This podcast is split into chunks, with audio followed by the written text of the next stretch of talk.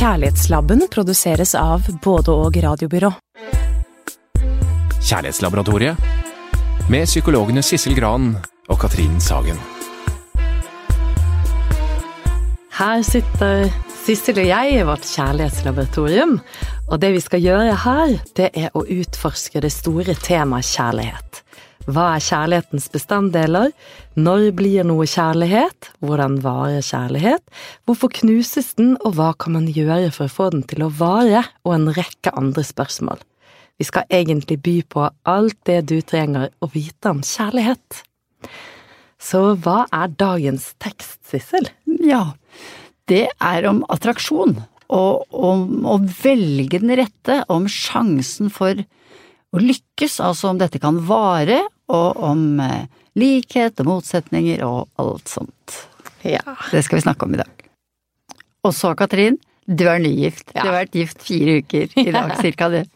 Og det, Ja, det må vi snakke litt om, Ja, vi altså. må det. Det er jo noe av det aller største jeg har opplevd i mitt liv. ja. Hvorfor gifter man seg, Katrin? Ja, ekte, ekteskapets funksjon har jo endret seg drastisk. Eh, i, I dagens samfunn, eller i vår kultur, så er jo hele dette nødvendighetsprinsippet så å si falt vekk.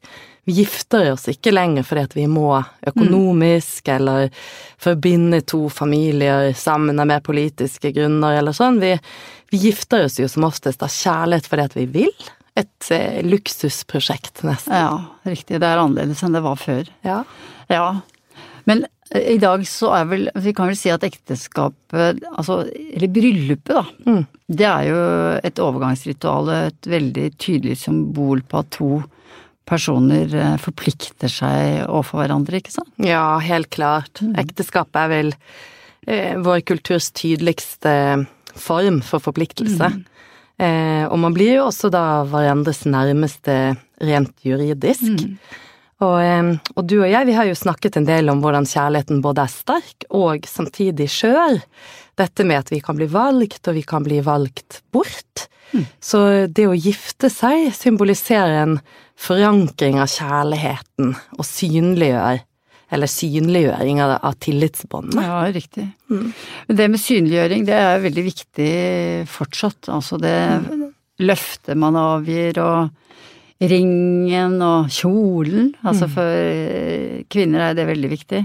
Og så lukker man døren til andre. Altså ved å gjøre dette, altså gå gjennom dette ritualet, så sier du til verden nå er jeg opptatt for alltid, og det vil jeg at alle skal se. Ehm, og noen skifter også navn, og det har du gjort. Ja, det har jeg gjort. Så i dag så er det, sitter jeg her sammen med Katrin Sagen. Ja, det gjør det. Og det kjennes, det er faktisk eh, Når jeg skal ta, tok telefonen her om dagen og skulle si navnet mitt, så ble jeg sånn Ja, Katrin Eide, jeg, jeg, jeg, har, jeg har fått nytt Eller hei, hei.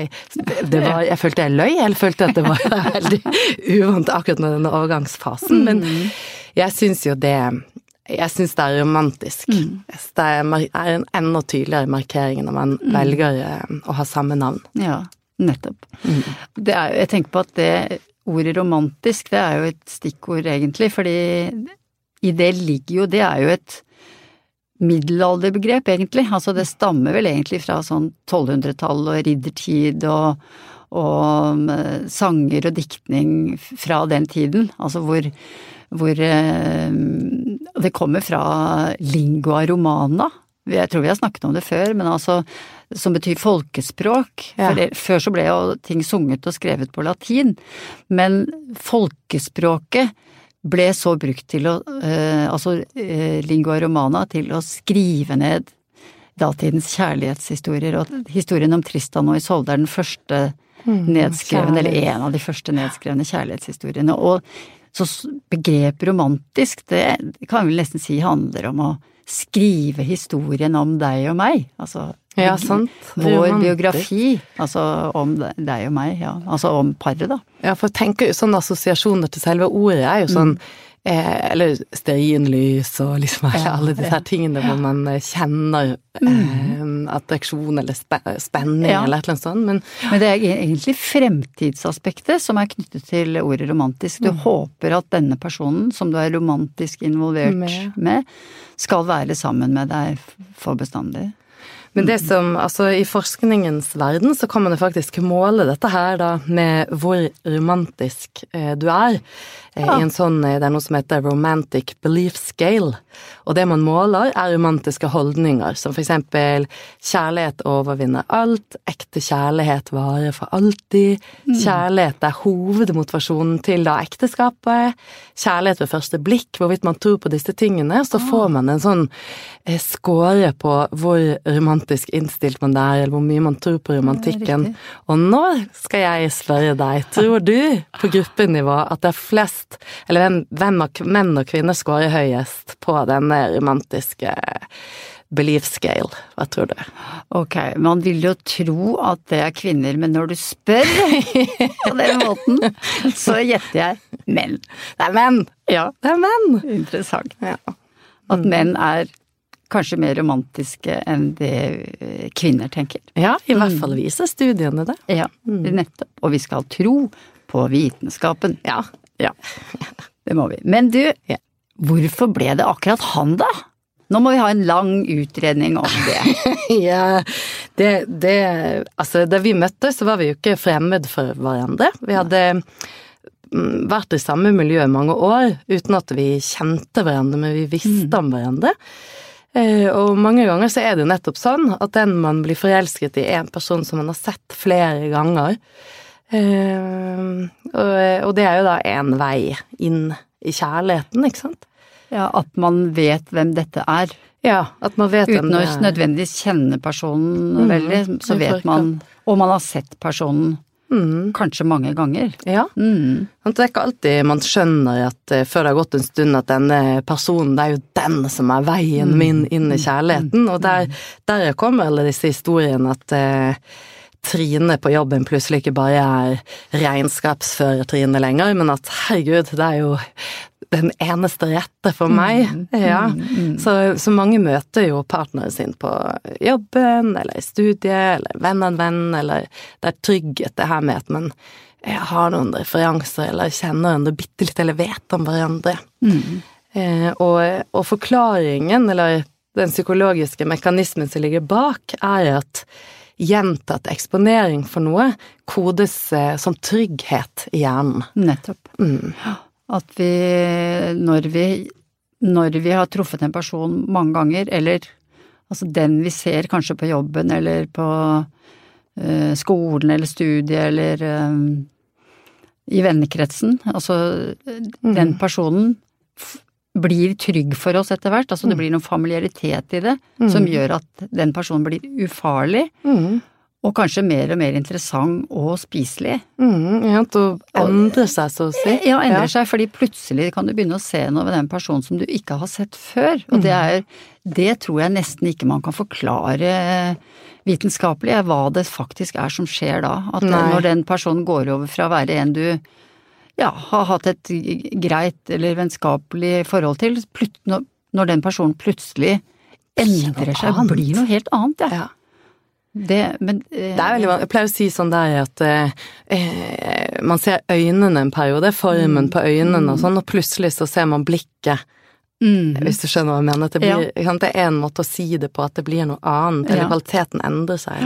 Ja da, men det, for det er jo mange som sier at vi var venner, og så plutselig så vi hverandre, og så ble vi kjærester. Ja. Uh, og det er klart at, uh, at det, Men ak akkurat det vendepunktet der, det tippepunktet der, det vet vi ikke riktig hva er, tror jeg. Nei. Det er litt magisk. Det tror jeg vi må si. Mm.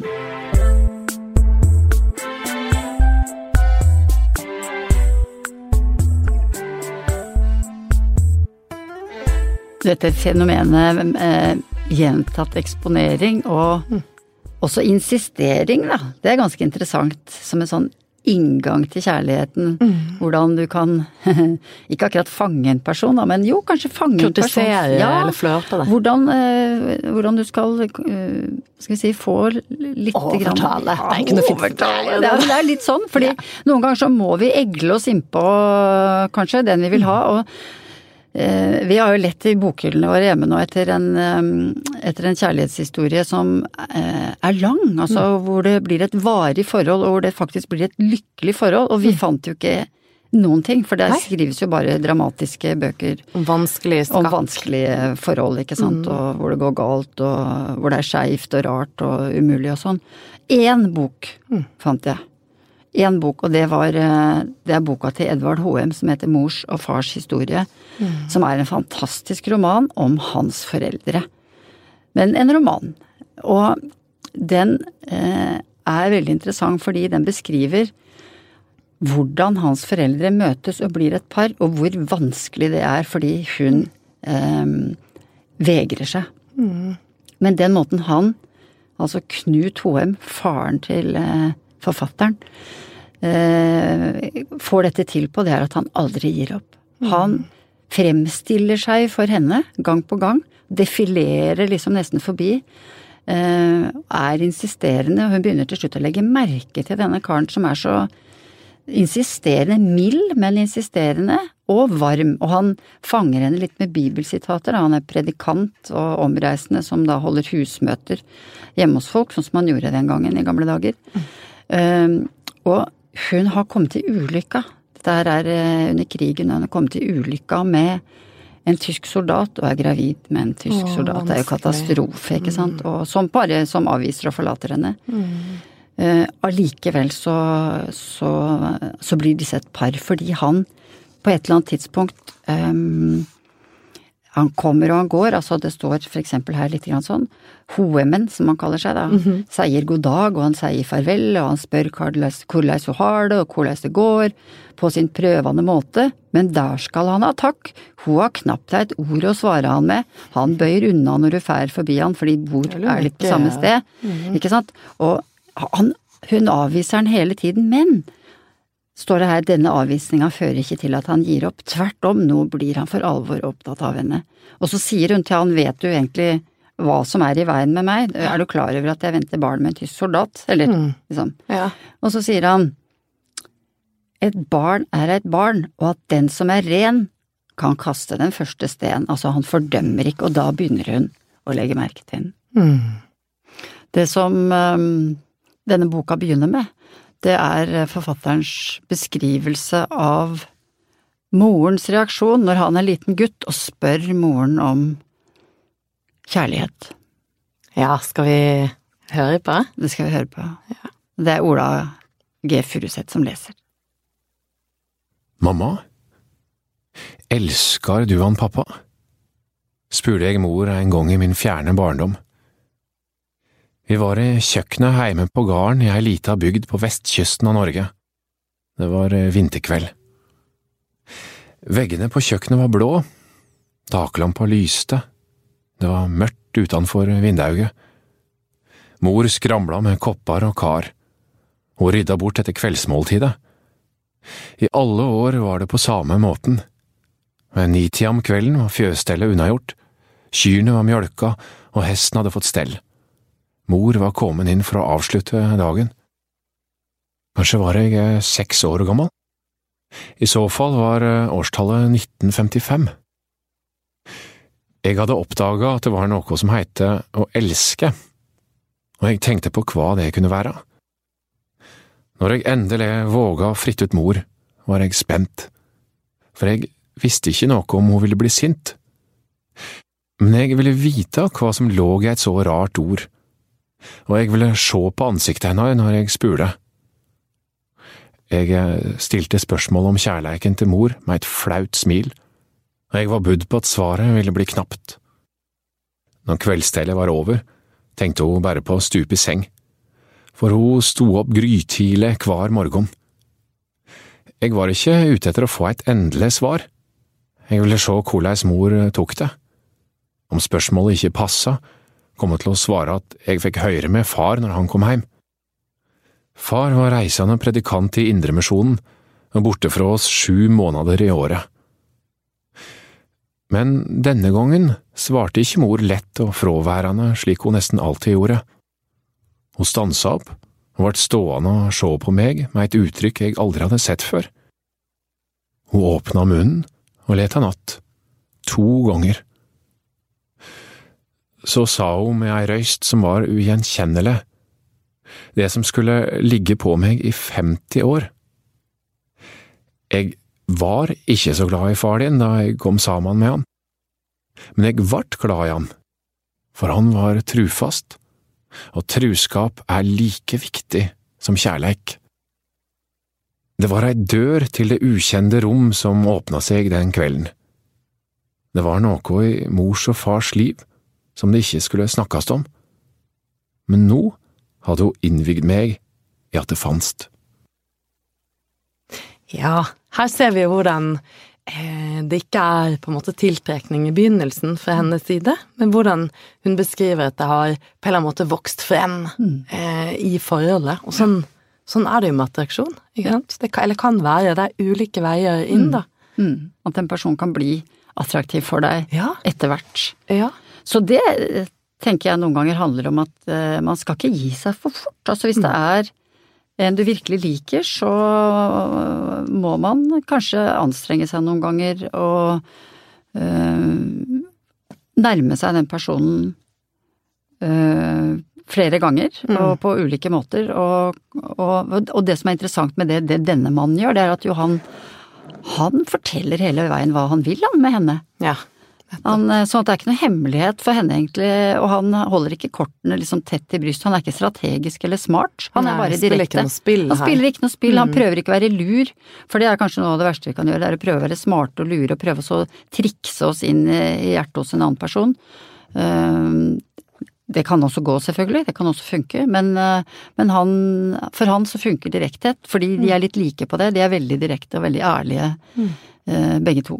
Ja, sant? Jeg, jeg har ikke lest den ennå, men jeg, bare av det vi har lest nå, så hører jeg at han driver jo med litt sånn identitetsbekreftelse eh, mot henne og hjelper henne å se dette her med trenger ikke å skamme deg, eller jeg skal ikke dømme deg, og du har dette med barn, og at han hjelper henne og, og Ja, det er helt riktig. åpner opp. At det er en helt riktig, det er en identitets, identitetsbekreftende handling. Altså det gjør han mye. Altså han sier til henne 'du er bra'. Ja. Du er veldig bra, du er så bra at jeg vil fryktelig gjerne ha deg. eh, Mm. Selv om du har eh, vært i seng med fienden. Mm. Det er en ganske stor ting. Spennende. Gleder meg til å lese. Lese. Mm. Ja, for vi vet jo at eh, mange, mange har jo en forestilling om at kjærlighet skal begynne med eh, et, et pang, eller kjærlighet ved første blikk. Eh, ikke sant? Riktig. Og at dette her er jo ikke en sånn historie. Nei, det er riktig. Det er jo en idé, altså, som, som nok sitter hardt i oss. I mange, at dette skal skje plutselig med et pang, og at vi skal liksom sveipes eh, over ende av en annen person. Ja, så er, er attraksjonen et staut, veldig stort tema. Attraksjonen og sammensatt, og hva er det, og hvordan blir vi forelsket, og eh, hvilke faktorer, holdt jeg på å si, ligger, må ligge til rette for at det skal oppstå attraksjon. Em, og noe er jo dette her med en opplevelse av nærhet. Det å eh, åpne seg og fortelle noe. At når man gjør det, selvavslører, det vil si av egen vilje, eh, avslører noe om seg selv og åpner eh, til den andre, så oppstår det nærhet, og at det er en forutsetning for opplevelse av attraksjon, rett Det og slett. tror jeg er veldig viktig. Og det er jo derfor eh, overflatepreik ikke alltid er noen sånn fin vei inn til, til en annen, men at du forteller, på en måte viser hvem du er. Mm. Mm. Andre ting, skal vi se litt andre sånne elementer i attraksjon. Vi vet jo det er en enorm forskningsbase på dette med eh, vårt eget speilbilde. At vi liker oss selv. At vi elsker vårt eget speilbilde i den andre. Så vi liker når vi er, har like interesser, vi blir tiltrukket når vi er på en måte litt sånn relativt likt i utseende på, på en måte, og at vi eh, har um, lik um, psykologisk helse. Det er masse sånne faktorer som vi tiltrekker seg når det er likhet, og mange studier viser hvordan dette her er nærmest en sånn grunnleggende mekanisme hos oss. Altså. Det som er morsomt òg, vet du, det er at de Det viser jo også en del forskning, at de som passer best sammen, de er de som har litt samme tempo. Mm. Altså, og som snakker litt på samme måte, og har den samme rytmen, Mm. og bruker litt de samme ordene, og har litt av den samme humoren. Mm. Sant? Mm. De, og Iallfall kan vi si at de får det lettere enn mange. Altså, for det er veldig mange forhold som starter med stein i skoen, ikke sant. Hvor det halter nesten fra første stund, og det er nesten så du får lyst til å si til sånne folk ja, men så dropp det. Mm. Hvis dere skal klare dette, så skal dere måtte jobbe veldig med det og være veldig bevisst på det, og ikke begynne å irritere dere over at den andre er langsom av seg, hvis du er veldig rask. Mm. Ja, man skal være veldig utfordrende. Ja, da skal du være veldig bevisst, tror jeg. Hvis, du skal, eh, hvis, du skal, hvis du skal like det over tid. Altså man kan like det der og da, fordi folk som er veldig, blir veldig begeistret for hverandre, de har en tendens til å tenke at å guri så like vi er. Men ofte er det jo ikke det. Nei, så kommer de til disse prøvene vi har snakket om tidligere, Ja. hvor det ikke holder innimellom. En annen ting som vi også vet at vi syns er attraktivt, er gjensidighetsprinsippet, kan man kalle det. Dette her at man vet at den andre også er interessert. Riktig. Det, det liker vi. Det Ja. blir vi tiltrukket av. Det husker jeg da jeg var liten i skolegården, så kunne en, en budbringer komme da fra den ene delen av skolegården til den andre og så si han er gæren etter deg. ikke sant. En eller annen type der borte som du ikke var noe gæren etter i det hele tatt. Men eh, da begynte du å lure på om du kanskje kunne være det, fordi at han var gæren etter meg. Så Ja. kanskje jeg var litt gæren etter han òg. Også. Mm. Ja. Så, for det er klart at um, en, en, en annens begeistring kan gjøre deg begeistret, ikke sant. Mm, det var jo egentlig Ja. Hoems bok. Det er riktig. Ja. Mm. Mm. Hans begeistring gjør etter hvert henne, henne litt Også begeistret begeistret. for ham. Ja. Mm. Hans standhaftighet. Mm. Så er det jo dette med et element av eh, behov, behovstilfredsstillelse, litt tungt ord, men Ja.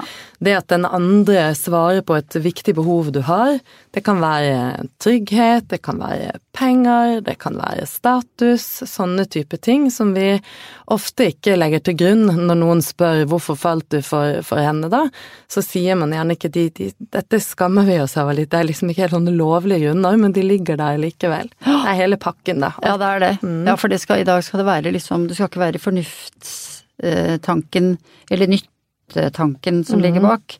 Men det vet vi jo at ikke er så helt dumt å tenke på. Er dette Mm. en mann som uh, er klar for å lage en familie sammen med meg, for eksempel? Mhm, ja, sånne ting, og det at man kan tenke dette her kan være en bra far, eller hun kan bli en god mor. Mm. Mm. Og så det, og så må vi jo snakke om eh, hormonet adrenalin, da. Mm. Hvordan det er med i, i attraksjon. Mm. Eh, det at adrenalin er kjærlighetens eliksir, er det noen som sier. Hva Mm. mener de med det? Du kan jo rett og slett bli forelsket i en som, og begeistret for en som, eh, som eh, ikke betydde noe særlig for deg, men hvis dere opplever noe farefullt sammen, Mm. så kan du For hjernen vår, den tar litt feil noen ganger, ikke sant. Den kan Frykt kan forveksles med forelskelse. Det har de jo gjort et morsomt gammelt sånn sosialpsykologisk eksperiment med to broer. Ja, Ikke og sant? den pene damen, fortell- den tar vi. Ja, ikke sant. Den veldig skumle En skummel hengebro. en skummel, veldig lang og litt vinglete hengebro med lave, lave rekkverk. Dette er i Vancouver, man gjorde dette eksperimentet. Så er det en bro litt lenger oppe, over, dette er over en sånn svær canyon med en brusende elv i bånn, og så har du en bro litt ganske mye lenger opp i dalføret der, som er trygg og brei og som ikke slingrer, slingrer i det hele tatt. Så sender man da eh, unge menn kanskje det var kvinner også, iallfall unge mennesker, over broen én og én. Øh, øh, og mm, over hengebroa først. Og øh, så får de et skjema de skal fylle ut når de har gått over broen, av en veldig eh, flott dame som eh, også gir dem telefonnummeret. I fall det er noe de ønsker å ringe henne om når det gjelder dette eksperimentet. Står hun ikke midt i broen? jeg tror hun står midt på broa. Ja. Uh, og så disse som da har gått over denne skumle broen, det er veldig mange av dem som ringer for å få en date, fordi de opplever at de er blitt romantisk involvert med denne damen. Og de beskriver henne også som veldig vakker. Ja, utrolig vakker. Mm. Og så gjør man det samme med en annen gruppe oppi, lenger opp i dalføret der, og der er det jo ingen som gidder å ringe. For det ingen er den samme redde. pene damen. Samme pene damen og samme skjema og samme telefonnummeret. Mm. Eh, Men der er det ingen catch. Så det er klart de forveksler da stress og Høy denne pulsen. høy puls og adrenalin og at, dun- at eh, hjertet banker med eh, Attraksjon. Attraksjon. sånn Tiltrekning. De blir tiltrukket av damen. Mm. Så det er det vi kaller for en feilattribusjon. Hjernen tolker redsel som tiltrekning. Ja. Men det betyr jo ikke at ikke dette kan fortsette, for det er klart Nei. at det kan være starten på et deilig forhold, det. At, du, at man startet eh, i skrekken fordi man kjørte i grøfta sammen eller et eller annet sånt noe. Så det, ja, for det, det, så det å ta med Gå på date på å ta den ekleste karusellen på Tusenfryd kan, være, kan være noe, det. Det er bedre enn å ta den stille kaffen, tror jeg, på, en eller annen på kaffebrenneriet. Ja. Skrekkfilm er også en fin ting. ja. Mm, ikke romantisk komedie. Nei. Gjør henne redd.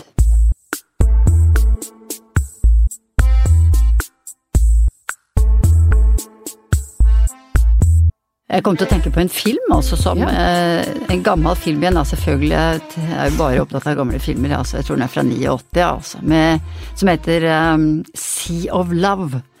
Som er eh, bygd over en låt som heter det samme. Og det er Ellen Barkin og Al Pacino som spiller, eh, som er hovedrolleinnehaveren i den filmen. Og den, er, den inneholder mange av disse ingrediensene, egentlig. Altså fordi eh, storyen er veldig, eller plottet, sånn veldig, veldig kort. Um, menn blir funnet myrdet i sine senger. Man har mistanke om at en forrykt eh, kvinne går rundt og myrder. Og Al Pacino og hans kollega skal da prøve å få tak i mordersken. Eh, og det er vanskelig, men det de da gjør, det er Men her er det også Denne mordersken eh, finner de ut får tak i menn per annonse i avis. Yeah. Ja, så de setter inn en sånn fiktiv annonse. Eh, hvor Al Pacino da, eh, mann så og så gammel og ditt datt, på jakt etter, eller leter etter eh, en Morderske. hjert, nei, ja, ikke sant? En hjertens kjær, ja. Ja. Og så, da, hva gjør man da, hva gjorde man før, og hva gjør man nå? Jo, man inviterer ut, ikke sant? Og så får han jo mange svar på annonsen sin, mange damer i mange aldre. Eh, og så skal de sjekke ut, han blir da på en måte åte, da, ikke Ja. For kanskje er det mordersken Ja. som svarer på annonsen. Mm. Ja. Og så um, inviterer han da ut, og så har, han da gjort det sånn i samarbeid med sin kollega at uh, han skal ha sånn på rekke og rad-samtale. speed date. Speed date med mange damer, alle disse damene som har meldt seg, på en restaurant. Og hvor da de skal tilbys et glass vin, og så skal kollegaen komme da når vinglasset er tomt, ta det og putte det i en sånn forseglet pose, og så skal de ta fingeravtrykk for å finne ut For de har funnet fingeravtrykk. Ja, nettopp. Og for å se om vi kan finne spotte mordersken. Ja. Og så ser vi han sitte da på denne restauranten, og den ene damen etter den andre sitter der og får et glass vin, og, og kollegaene snapper til seg det ene vinglasset etter det andre, og så kommer damen i rødt, Ja. som virkelig ser farlig ut, altså. Og det er hun Ellen Barkin. Med det skjeve smilet og det tøffe utseendet. Og så setter hun seg ned, og jeg tror faktisk ikke at hun vil ha noe. Nei. For hun sier Og han, vet du, han virker jo ikke, syns jeg, helt troverdig der han sitter. Så sier hun til han veldig, veldig kort ute i samtalen ehm, Jeg tror på dyrisk attraksjon. Eh, jeg tror på dette. Så knipser hun sånn, og så sier hun jeg tror på kjærlighet ved første blikk. Og det er ikke noe av det her. Ja. Dette er ikke noe Det er ikke noe magi her. Ha det. Ha det, ja. Eh, og det, han får jo helt hetta, fordi han har ikke fått fingeravtrykkene. Hvis Nei. ikke jeg husker helt feil, så er det mm. sånn der. Og så, så skjer det da at han begynner å bli begeistret. Han blir begeistret, de treffes igjen. Mm. Eh, hun blir ganske begeistret for han, han blir begeistret for henne. Nå har vi gjentatt eksponering. Ja, vi har puls, eksponering. Vi har puls, ja. Vi har masse adrenalin. Fordi han involverer seg da med en dame som kanskje er en morderske. Mm. Og så kan jeg ikke fortelle slutten, fordi da spoiler jeg hele greia. Men iallfall Ja, og den er jo 49, så den er jo helt fersk. Den er helt fersk, ikke sant? Og den er, det kan du bare gå og leie på DVD-butikken på hjørnet, ikke sant? Ja, mm, for de fins det mange av fremdeles i mitt hode. Ja. Ok, sånn er den. Men det hun sier, det er det som er interessant for oss. For hun, hun uttrykker en forestilling, Ja. altså et slags ideal Den. om hvordan kjærlighet skal oppstå. Og så mm, Ikke sant? For det er jo på en måte Hollywood-varianten, dette her, eller det hun beskriver. dette med at det skal bare knipse seg inn, eh, og alt må klikke på plass med en gang. Riktig. Dyrisk kjærlighet. Mm. Eh, kjærlighet ved første, eller dyrisk attraksjon. Ja, dyrisk attraksjon, ja. Mm. Animal attraction, som hun sier da. Ja, og i virkeligheten så, så vet vi jo at mange lengter etter det, Mm. ikke sant? Eh, å kjenne den der umiddelbare tiltrekningen, men at eh, eh, at statistikken viser at det er ca. 11% av de forholdene som varer, eh, som starter på denne måten. Åh, det er ikke veldig mange. Nei, det er ikke veldig mange. Litt bedre enn lottosjansen, men eh, 11% ja. Mm. Mens alle de øvrige, altså nesten 90% av alle forhold, starter på andre, måter. Ja. Mm. Ja, det, det er jo mange som starter med en umiddelbar attraksjon, men som ikke blir et langvarig forhold, som Mm. blir en forelskelse, og så blir det ikke noe mer. Mm. Ja. Riktig. Ja, så det, det, og det tror jeg er liksom viktig å være klar over. Ja. Eh, For hvis man bare leter der, etter denne inngangen, så kan man gå glipp av ganske mye kjærlighet. Mm. Kjærlighetssjanser. Nettopp. Mm. Så det vi vet fra forskningen, er at vi er opptatt av forskjellige ting i ulike faser av forelskelsen. Og i, i den første bli kjent-fasen så ser vi at fysisk attraksjon er et viktig seleksjonskriterium. Men senere så kommer da personlighetstrekkene inn, og til slutt verdier, holdninger og interesser. Akkurat. Men hva skal man, når man sitter der da med en person man kanskje ikke kjenner så godt, hva skal man hva skal man, som man kanskje liker litt og sånn, hva skal man si da? Og hva skal man spørre om? For eksempel, hvordan skal man te seg? Jeg tror man må prøve å te seg sånn at man eh, åpner litt opp og fortelle litt om seg selv. Det er viktig å, å uh, bytte mellom rollene, både på å snakke litt og lytte litt. Og det å intervjue den andre om uh, på en måte idealer, håp, mål, verdier, litt sånn, og fortelle litt om disse tingene fra seg selv. Uh, om seg selv også, og risikere risikere litt i samtalen. Insistere litt òg, ikke sant? Gjøre litt som han HM-en da, som Ja. eh, sa jeg, eh, jeg vil ha- ha deg, jeg. Eller jeg er på jakt, jeg vil ha en kjæreste, ja. Ja, det er det jeg holder på med. Det er mitt prosjekt. Ja. Og ikke drive og spille spill eller eh, lage, komme med Late som at man eh, ikke har noen intensjon. Ja, nettopp. nettopp. At man heller er selvavslørende på at man faktisk sitter der og ønsker seg en kjæreste Ja. som man kan være sammen med lenge, lenge. Ja, jeg leter etter en kjæreste, jeg. Leter etter et Et fast, fast, forhold. et fast forhold, ja. Kanskje enda mer. Kanskje man faktisk er på leting etter en man kan lage en familie sammen med. At man er der i Og at man kanskje skal si det. Mm. Mm.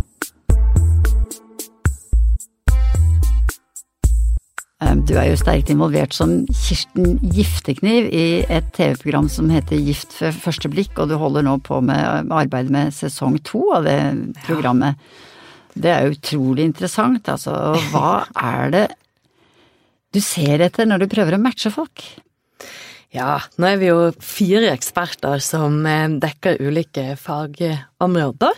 Men det, det jeg gjør, er at jeg, eh, jeg prøver å bruke det vi vet fra forskning om hvilke par som holder sammen og har det bra. Hva er det de er like på, hva er det de er ulike på, prøve å dra ut, eh, sånn at det blir noe som kan måles. Og så måler jeg da disse medvirkende gjennom et intervju og noen skjemaer, noen spørreskjemaer, og så prøver jeg å sette, eh, komme med et forslag til hvilke par jeg tror på. Ja. Så det, det, mye av det det handler om, er eh, fleksibilitet. Altså at det er eh, et kriterium eller en egenskap ved, med, ved de medvirkende. Nettopp det å ha en høy, eller score høyt på det å være fleksibel og kunne eksempel skifte mellom sitt eget perspektiv og den andres perspektiv. Ja, nettopp. En forståelse av eget sinn, forståelse av andres sinn. Eller det er jo kanskje mer eh, Jo, også en egen egenskap i seg selv, men det å være fleksibel også mellom seg selv og den andre. Nettopp. Å kunne se den andre eh, også. Ja, absolutt. Ja, det vi kaller å se seg selv utenfra, mm. og det å kunne se andre litt innenfra. Mm, nettopp. Eh, og så eh, måler jeg da behovet for og toleranse for kontakt. På en måte hvor mye fysisk og psykisk nærhet ønsker jeg meg, og hvor god er jeg på det. Jo- det er jo eh, selvopplevd, dette her. Hvordan de selv, selvrapportering, som det heter. mye av disse Ja, for dette spør du dem om. Ja, Ja. så krysser de seg inn. Mm. Ehm, og så eh, sjekker jeg også da ehm, tilknytningsstil, kjærestestil. Mm. Eh, i eh, Snakker også en del om tilknytning, om, om på en måte barndom og sånn, men Mm. eh, er spesielt eh, opptatt av denne tilknytningsstilen i romantisk kjærlighet som Mm. voksen, da. Sånn at eh, man kan få tak i litt hva som blir utfordringen i paret. Riktig. Er det som vi har snakket om, eh, når du krangler, ligner du mer på en bølge, en øye eller et anker, som vi snakket om Mm. her en gang, kjærestestiler. Hvordan ser det ut? Hvordan vil dynamikken kunne være? Mm. Er du en sånn som trekker deg unna, eller er du en sånn som går veldig hardt på, eller er du en person som på en måte tåler andres reaksjoner uten at, Mm. at du er nødt til å unnvike eller bli veldig, veldig pågående, engstelig og redd, eksempel? Riktig. Mm. Sant? Og så um, håp, lengsler, idealer, verdier. Mm. Det er ganske omfattende. Prøve å matche veldig omfattende. Ja, Så stort materiale. riktig. Og så har vi også det en eh, attraksjonstest, eller panel, for å si det sånn, Ja. siden vi, eh, som vi snakket om, nettopp vet at dette med fysisk attraksjon også er viktig. Eh, Nå er det jo vi som velger om disse menneskene skal være sammen eller ikke, så vi vet jo ikke hvorvidt de faller for hverandre. Men det ja, så det er jo en utfordring, selvfølgelig. Men det vi vet er at par som har det bra sammen over tid, dette viser jo forskningen, masse studier på dette, at par som har det bra over tid, vanligvis scorer som cirka like attraktive. Akkurat. Ja. At hvis du er liksom på en skala fra én til ti, og du scorer deg selv som en sjuer, så er det helt ålreit å, å mm, se etter en som du også oppfatter som noe omtrent sjueraktig. Ja. Eller mellom seks og åtte, og ikke alltid kaster etter tieren, da. Ja, sant? eller kaste det på en, på en toer fordi at du er redd for å ikke være Bra nok. Ja, for eksempel. sant? At eh, hvis du skal være lykkelig over tid, da, så, så kan det bli komplisert. Ok, det er brutale greier det her, Veldig Katrin. brutale Ja, greier, mm. men uh, vi har jo da Altså, det man gjør i forskningssammenheng for å finne en attraksjonsscore, er jo at man lager et nøytralt panel Ja. som scorer ut fra en liten uh, videosnutt. Hvor attraktiv syns du denne personen er, hvor sjarmerende syns du denne personen er. Så får man en slags uh, gjennomsnittsscore. ja, riktig. Så den har vi også hatt med. For var å de tryggeste og deiligste parene. Som tenker at her legger vi til rette for kjærlighet, da. Ja. Jeg la merke til at eh, i det programmet vi har sett, da, der var det et par som utmerket seg veldig Altså som gikk veldig bra med. Altså de var ekstremt ulike. Så det var jo helt sjokkerende i starten, for de var veldig forbauset over hverandre når de fikk se hverandre første gang, men det har jo gått utrolig bra. Mm. Og det var veldig morsomt å se hvordan de eh, fikk til et forhold, altså. De er jo fortsatt sammen og har det bra, har jeg forstått. Ja, det var en liten tid siden. Nå hadde de ettårsbryllupsdag. De er snakker jo da med hun som heter Annabelle, og han som heter Vebjørn fra første sesong ved Gift ved første blikk. Nettopp. Men hva karakteriserer Jeg må jo kunne spørre om det her, da. Hva Ja. karakteriserer disse, Disse to, to? da? Sånn som jeg ser det, så er det jo det at begge to er, de er veldig modige. Mm. sant? De er ærlige da de tør å vise sårbarhet, og det begynner de med ganske tidlig når de blir kjent. De selvavslører ganske masse, begge to. De er gode til å lytte, og de er også gode til å snakke. Ja. sant? Og de viser masse følelser. Både, både triste og såre og vonde følelser, litt sinte følelser, men mye glad. De smiler masse. De har det, de har det veldig gøy. De strekker seg langt for å være gode utgaver av seg selv. Nettopp. Og de er utforskende, de er fleksible. Og utforskende i forhold til å forstå hvordan den andre, hvem den andre er, da. Ja, og seg selv. Og seg selv, ja. Begge to. Mm, riktig. Mm. Utforske den andre. ja. Hvem Hvem er andres du? historie. Hvem er du? Hvorfor blir du sånn? Hva skjer med deg nå? Og så går de over hva skjer med meg når du gjør sånn, ikke sant? hvem er jeg? Og så sånn holder de på. Masse bygger parhistorie. Utforsker hverandres kart hele tiden.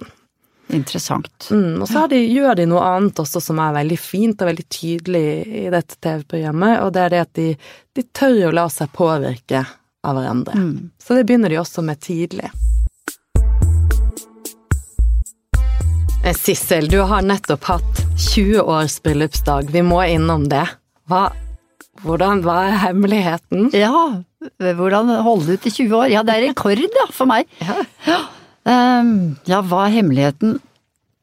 Da jeg traff denne mannen, så var jo det en sånn sosial setting eh, med noen felles bekjente som vi hadde som ikke vi visste. Vi, vi kjente ikke hverandre, men noen jeg kjente visste om han, og noen han kjente visste om meg. Mm. Så da jeg kom inn der hvor han satt og lo og røkte da den gangen og drakk litt vin og sånn, så så jeg denne hyggelig utseende, ganske flotte fyren. Og så sier da en venninne av meg litt sånn inn i øret mitt eh, Det er han eh, Ola, vet du. Han eh, er helt normal, og kanskje ledige uke nå, hvis du, så det burde skynde deg bort.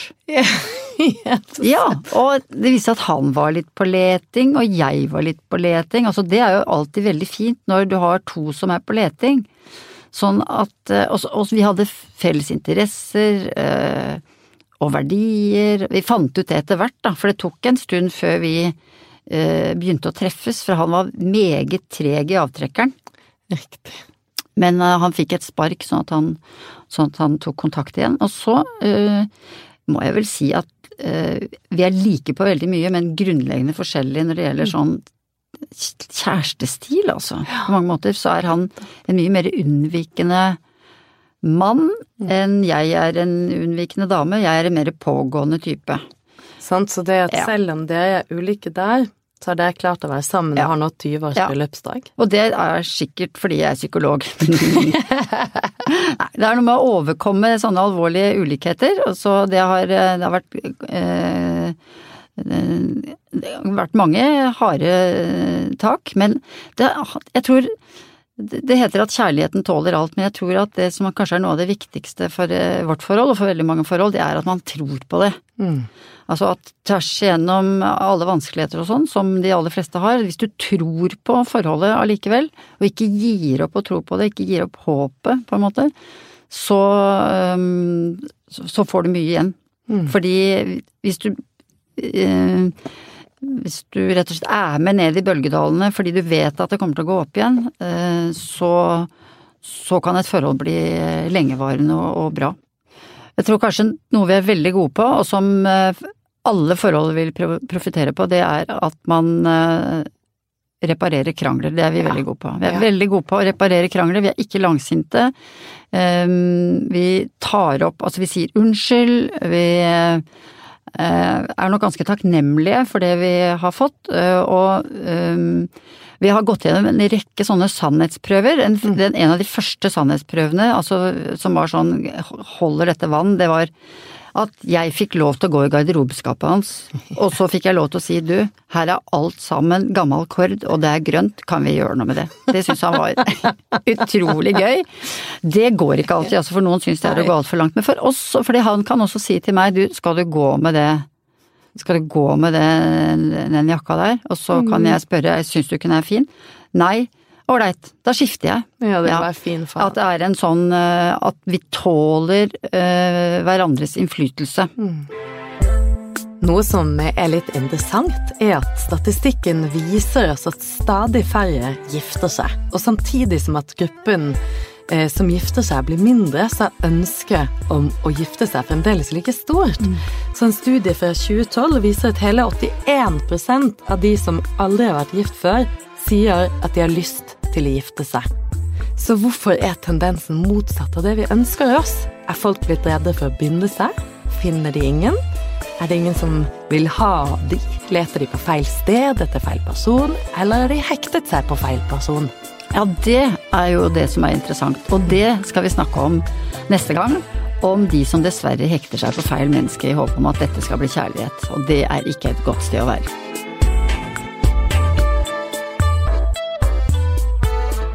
Kjærlighetslabben er produsert av både og radiobyrå.